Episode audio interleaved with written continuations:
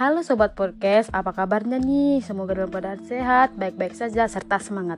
Seperti biasa nih Sobat, Sobat Podcast, kali ini kita akan membahas isu-isu sosial yang terjadi dalam masyarakat Indonesia Terutama di sekeliling kita. Saya akan mengambil satu topik yaitu Bagaimana sih cara kita merendam kegaduhan dalam demokrasi Indonesia?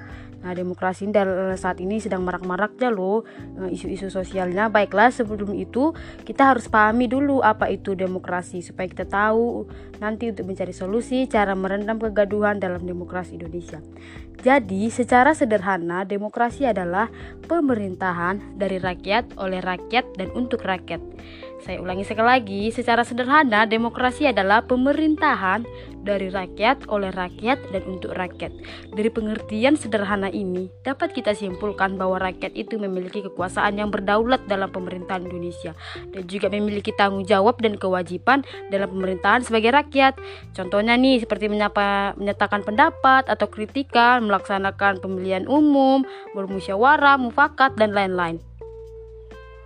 Menurut Direktur Eksekutif Parameter Politik Adi Prayitno pernah berkata, demokrasi itu pasti bising, demokrasi itu pasti berisik. Demokrasi itu tempat orang berisik, tempat orang ribut, yang penting ributnya itu masih dalam konteks. Wah, dari pernyataan itu kita jadi tahu itu ya bagaimana demokrasi. Namun kita garis bawah ini masih dalam konteks itu kita harus garis bawahi ya seperti kata Pak Adi tadi masih dalam konteks artinya tidak boleh keluar dari lingkaran hukum yang mengawasi demokrasi tersebut.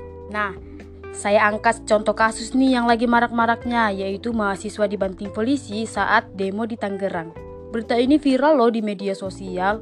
Pada Rabu tanggal 13 bulan 10 2021 diketahui terjadi aksi untuk ra untuk unjuk rasa dalam rangka hari ulang tahun ke-389 Kabupaten Tangerang.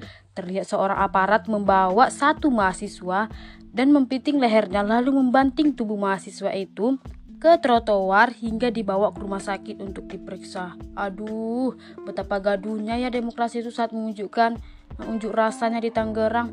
Nah, solusinya bagaimana nih? Kita cari solusi untuk merendam demokrasi yang sering terjadi di Indonesia yaitu menyampaikan kritik dan pendapat dengan memperhatikan konsep nilai norma dan asas Pancasila. Kita sebagai bangsa Indonesia, bangsa Indonesia itu memiliki konsep nilai norma dan asas Pancasila yang keempat, di mana mengandung nilai hikmat dan bijaksana dalam berdemokrasi. Nah, kita harus menggarisbawahi kata hikmat dan bijaksana agar kita bisa mengikuti proses demokrasi sesuai aturan jalur mainnya. Itu tadi yang pertama. Yang kedua yaitu Pahami konsep yang akan kita demokrasi atau materi yang akan kita kritik dengan cara tidak mengkonsumsi berita atau informasi yang hoax.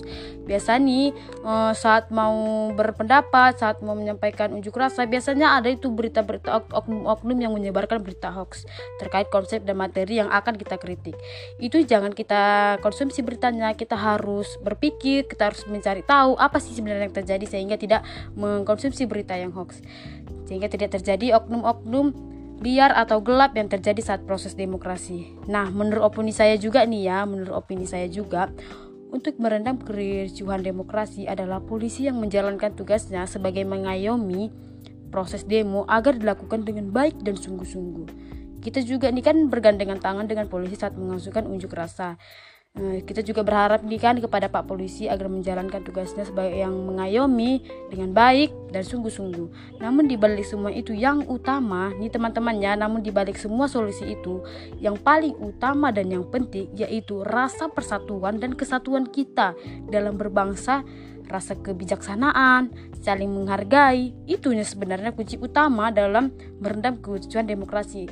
Sebenarnya itu tergantung dalam diri kita sendiri kita harus me mengambil makna nilai persatuan agar tidak terjadi sehingga terjadi keselarasian sehati sepikir dalam pemerintahan Indonesia. Itu saja ya kali ini.